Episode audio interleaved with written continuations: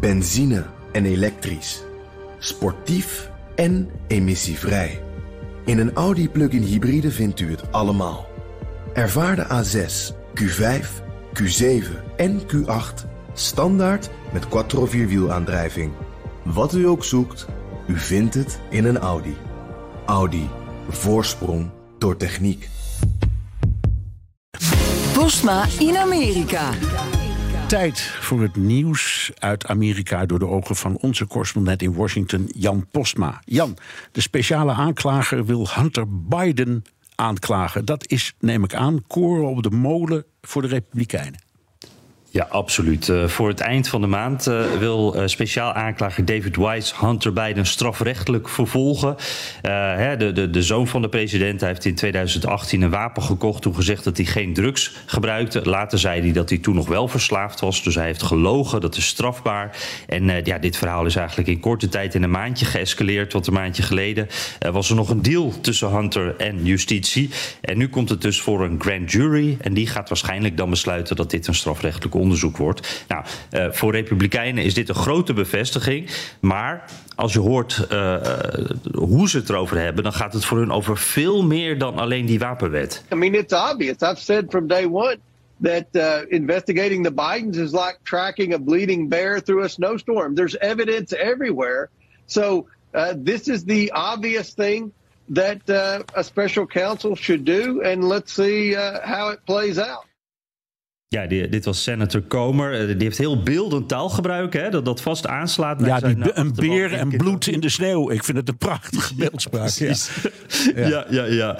Dit, uh, hier heeft hij over nagedacht. Uh, en je hoort ook dat hij, daar heeft hij ook over nagedacht, dat hij het over de Bidens heeft, in meervoud. Uh, maar het is op dit moment nog helemaal niet zo breed als hij doet voorkomen. Al die dingen waar Republikeinen Hunter en Joe Biden van beschuldigen, corruptie vooral, dat zit niet in deze aanklacht. er kan nog wel meer komen.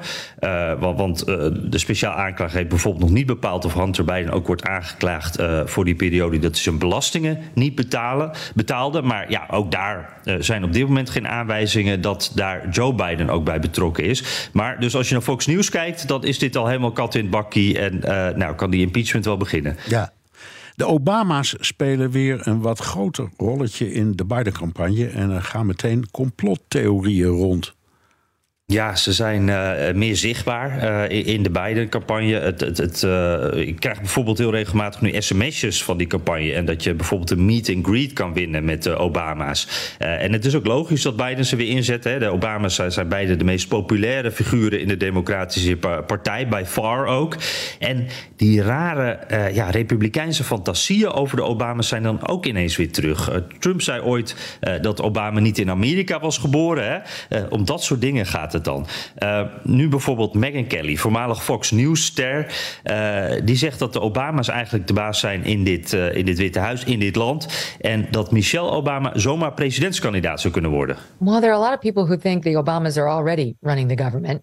And that there's some sort of a shadow puppet situation going on that they're controlling, you know, because there's been questions from the beginning. Is it Joe Biden really making the calls? Um, I think Michelle Obama is seen as a savior figure by the Democrats. They think she's the most beautiful person ever. They think she's the strongest leader. They, you know, they think she's their, their, their big hope. Ja, eh, veel mensen denken. Daar begint dit mee. En met dat zinnetje, dan weet je al welke kant het op gaat. Uh, ja, zij zegt dus de Obama strekken aan de touwtjes, niet Biden. En dan zegt ze ook nog, ja, Michelle Obama, die, zou wel eens de presidentskandidaat kunnen worden voor uh, de Democraten. Maar dat is een probleem, want zij houdt helemaal niet van Amerika. Zij is eigenlijk anti-Amerikaans, dus dat wordt heel gevaarlijk.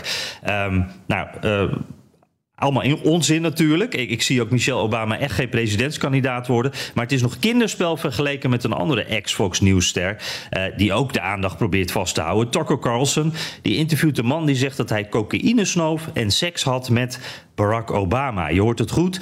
Uh, deze man is veroordeeld voor onder meer fraude en oplichting. Uh, riep dit in 2008 ook al eens. Uh, en toen was er weinig aandacht voor, omdat deze man geen enkel bewijs had. En dus ja, zijn reputatie, dit is nou niet bepaald een betrouwbaar iemand. En ja, ook nu rijst dus de vraag, ja, waarom zou je dit nou geloven? En dat wordt dan zo ingepakt en ook meteen opgeserveerd door Tucker Carlson. The guy's running for president and credible information comes out that he's smoking crack and having sex with dudes. That seems like a story. Well, it would be a story if the media really cared about telling people the truth. Zo. Ja, dit is echt uh, tekstboek, hè? Ja, wat, wat kan ons de waarheid schelen? Hè? Ja, precies. Dit- Als dit een verhaal was natuurlijk, in 2008 kwamen wij uit. Als hier bewijs voor was, dan had iedereen daar bovenop gezeten, gezeten. En ja, Tucker Carlson is hier de held. Hè. Dat is de enige die er wel over eh, durft te praten. En eh, ik denk dat het daarmee, eh, ja, jammer genoeg ook voor veel Tucker Carlson fans... meteen, meteen ook is uitgelegd dat die meteen denken... oh ja, dat is heel logisch eigenlijk. Ja. Trump zegt dat hij gaat getuigen als de rechter dat aan hem vraagt. Ja, dat eh, zei hij in de show van Hugh Hewitt. Wie? Ja, dat eh, is een conservatieve opiniemaker. Ook ergens daar op YouTube en op al die plekken. En die vraagt dan aan Trump: zou je het doen? Zou je getuigen? En Trump die twijfelt niet. Will you testify in your own defense? Oh yes, absolutely. You'll oh, take well, the I stand. That I would. That I look forward to because that's just like Russia, Russia, Russia. That's all the fake information from Russia, Russia, Russia. Ja, eh, dit was overal groot nieuws. Want hey, Trump zegt hier dat hij zou getuigen eh, in een van die vele rechtszaken tegen hem. Maar ja, we hebben dit vaker gehoord, Bernard. Eigenlijk, eh, of het nou om het Mueller-rapport of over. Nou, noem de zaak maar op. Altijd zei hij van ja, tuurlijk zou ik willen getuigen. En nooit is het gebeurd. Ik zou er mijn geld niet op, ze- op zetten.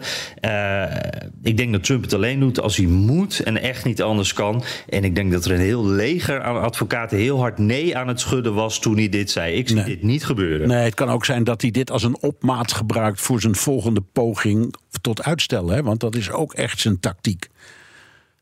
Dat is een hele interessante, ja. Want als je dat steeds boven de markt laat hangen... en dat Ja. wordt dan zo'n onderhandeling. Ja, ik bedoel, als je het nou zegt, als je, als je zegt tegen de rechter: ik ben best bereid om te getuigen, alleen dat wil ik het liefst in 2071.